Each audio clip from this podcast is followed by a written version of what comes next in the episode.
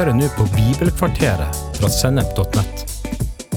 Bibelkvarteret er én kvarters påfyll i hverdagen fra Guds ord, både til inspirasjon og introduksjon til viktige tema i Bibelen.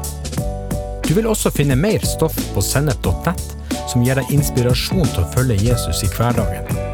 Følg oss på Facebook og Instagram, og abonner på våre podkaster i Spotify, iTunes, Google Podkast, YouTube eller i den podkastappen som du bruker. A.W. Tozer hevder at det aller viktigste ved et menneske er hva det tenker om Gud. Påstanden står seg enten man leser historiebøker, nettaviser eller ser på Morgan Freemans Netflix-serie om verdensreligionene. Hvem er egentlig Gud? Dette spørsmålet er egentlig altfor stort til å kunne besvares i løpet av 15 minutter i Bibelkvarteret. Men jeg vil tegne noen få hovedlinjer i hvordan Gud beskriver seg sjøl gjennom Bibelen.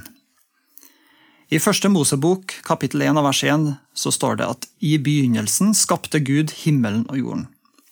Det første som er å nevne om Gud, er at han er skaper av hele universet.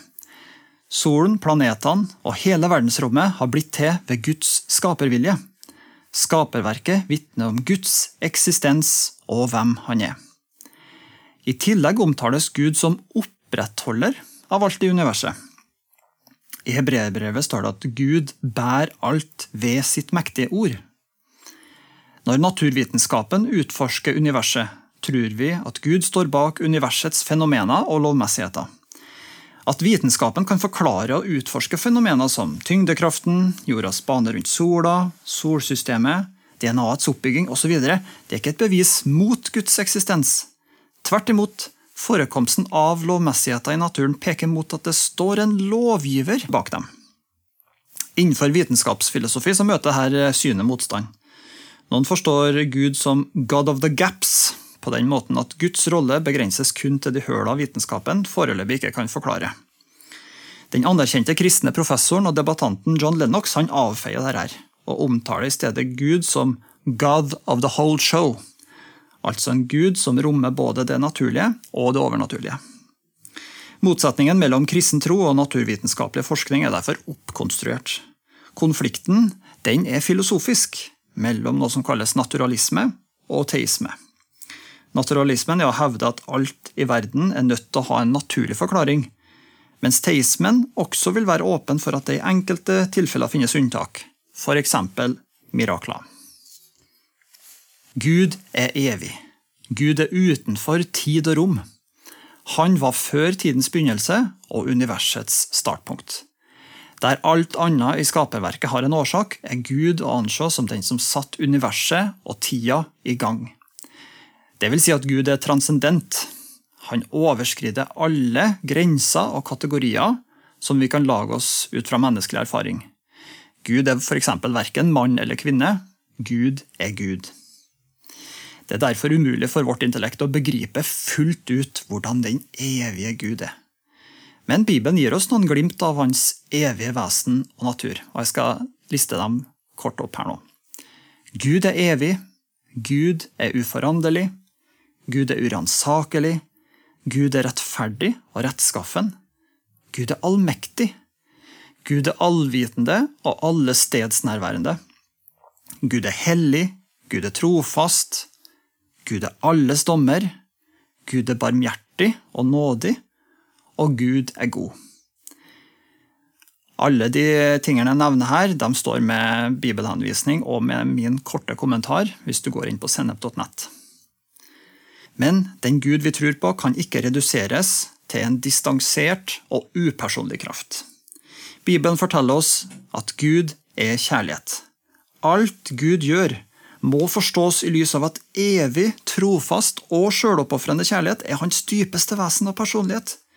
Gud elska verden så høyt at han sendte seg sjøl for å dø på et kors.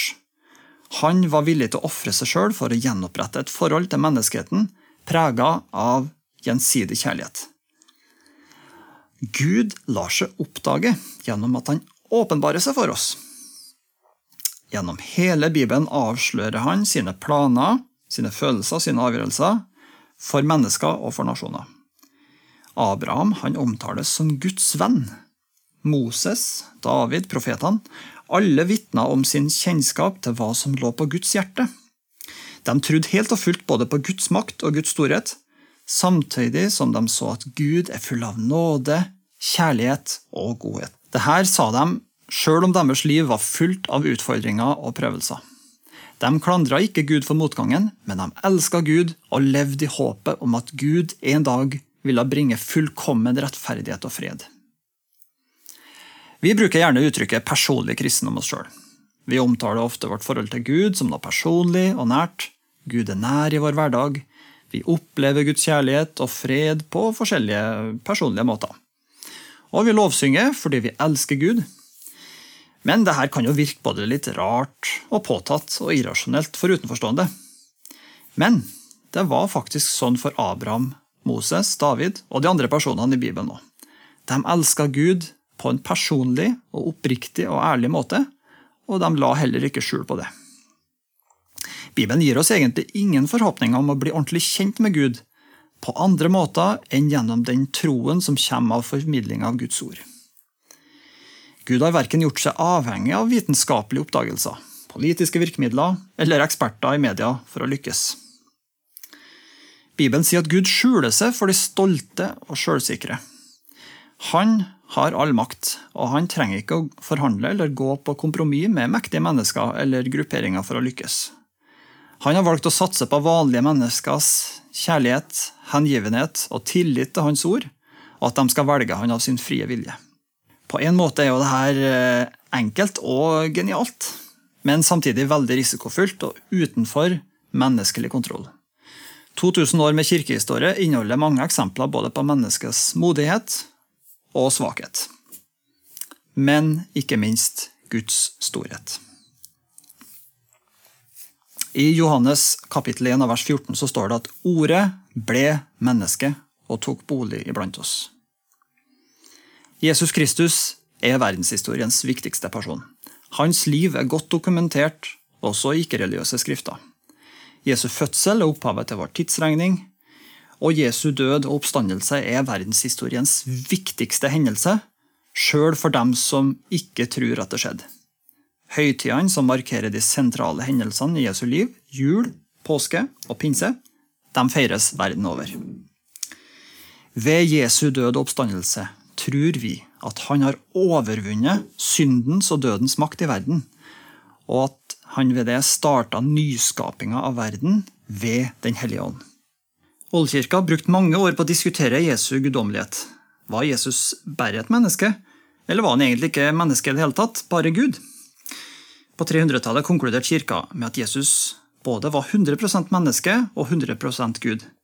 Det var det som harmonerte mest med det som sto i Bibelen, samtidig som det fikk fram noe av det paradoksale ved den kristne troa.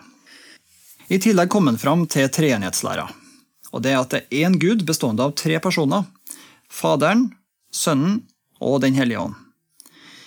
Alle andre alternativer måtte avvises, og Hovedgrunnen til det, det var fordi at de reduserte Jesus til noe mindre enn det han sa om seg sjøl. Sekter som eh, mormonere og Jehovas vitner oppsto bl.a. ved at de satte spørsmålstegn ved treenigheten. Økende muslimsk innvandring gjør dette enda mer aktuelt å sette seg godt inn i, siden de også anser dette som vranglære. Noen tror at Gud trakk seg passivt tilbake etter at han skapte verden. Det er noe som kalles for deisme. Men Bibelen avviser det her. I Bibelen tegnes et bilde av en gud som aktivt involverer seg i menneskehetens historie. Eksemplene er mange. Gud skapte Adam og Eva.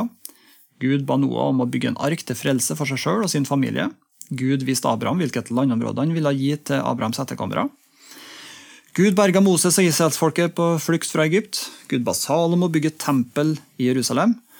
Og som allerede nevnt valgte Gud å bli et menneske gjennom Jesu fødsel for senere å sone straffa for all verdens synd.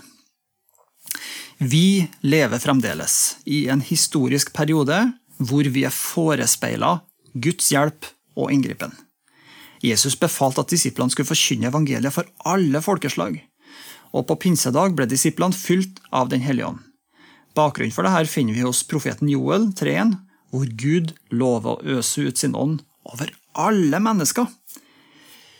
Det her baner vei for misjon over hele verden under Den hellige ånds kraft og veiledning. Denne muligheten og utfordringa gjelder oss i dag. De historiske linjene de siste 2000 årene er udiskutable. Evangeliet har blitt spredt fra Jerusalem og til alle verdensdeler, slik Jesus forutsa. Mens vi her til lands hører mest om sekularisering og kristendommens reduserte innflytelse, foregår det en annen virkelighet utenfor norske mediers synsvinkel. Det rapporteres om misjon og vekkelse blant muslimer. Om at kommunistiske Kina er i ferd med å bli den nasjonen med flest kristne i hele verden, på tross av både hard forfølgelse og overvåkning. Vi hører rykter om en eh, kinesisk misjonsmobilisering som verden ikke har sett maken til.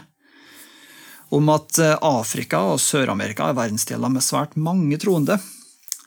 Og selv om kristendommen er i ferd med å miste det kulturelle hegemoniet eh, i Europa, er ulike kristne grupperinger i ferd med å finne tilbake til seg sjøl og kjernen i det de tror på, som en offensiv grasrotbevegelse.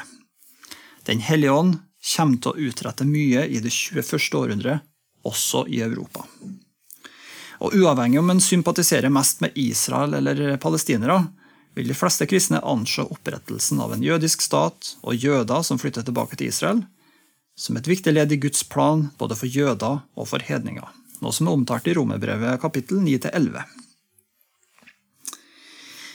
Bibelen forespeiler oss altså en monumental og episk overgang til en ny epoke i verdenshistorien, når Jesus kommer tilbake for å dømme levende og døde. Fra amerikanske TV-stasjoner har i flere år hatt livekamera faktisk plassert i Jerusalem, klart å kringkaste Jesu gjenkomst på Oljeberget. Jesu gjenkomst vil markere et endelig oppgjør med synd, urett og ondskap. De døde skal stå opp, og det blir umulig å gjemme seg for Guds nærvær i den nyskapte verden. Gud er evighetens og historiens herre. Han står bak universet, og vi er skapt i hans bilde. Og gjennom det Jesus sa og gjorde, så viste Gud at han mener alvor. For så høyt har Gud elska verden at han ga sin sønn den enbårne for at hver den som tror på han, ikke skal gå fortapt, men ha evig liv. Gud vil ikke bare at du skal tro at han finnes, men han vil også at du skal si ja til det Jesus gjorde for deg på Golgata, og følge han ved å holde alt han har befalt.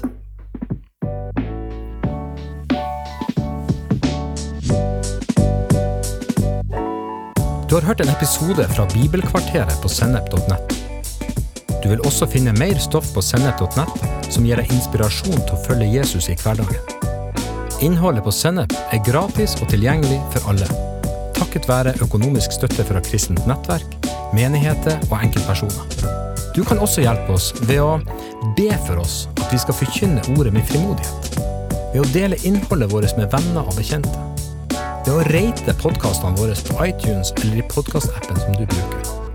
Eller ved å gi en engangsgave på VIPS, VIPS nummer 54 66 68. Takk for at du lytter til sennep.nett.